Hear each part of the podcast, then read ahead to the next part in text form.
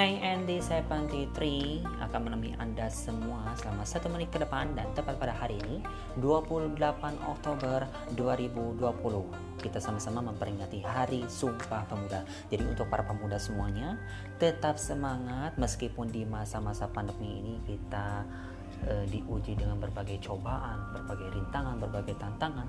Tetapi meskipun itu kita harus selalu mengingat para pahlawan kita yang telah memerdekakan bangsa Indonesia ini dengan penuh semangat 45. Intinya menjaga kesehatan itu perlu selalu pakai masker dan selalu ingat pesan ibu. Oke? Okay?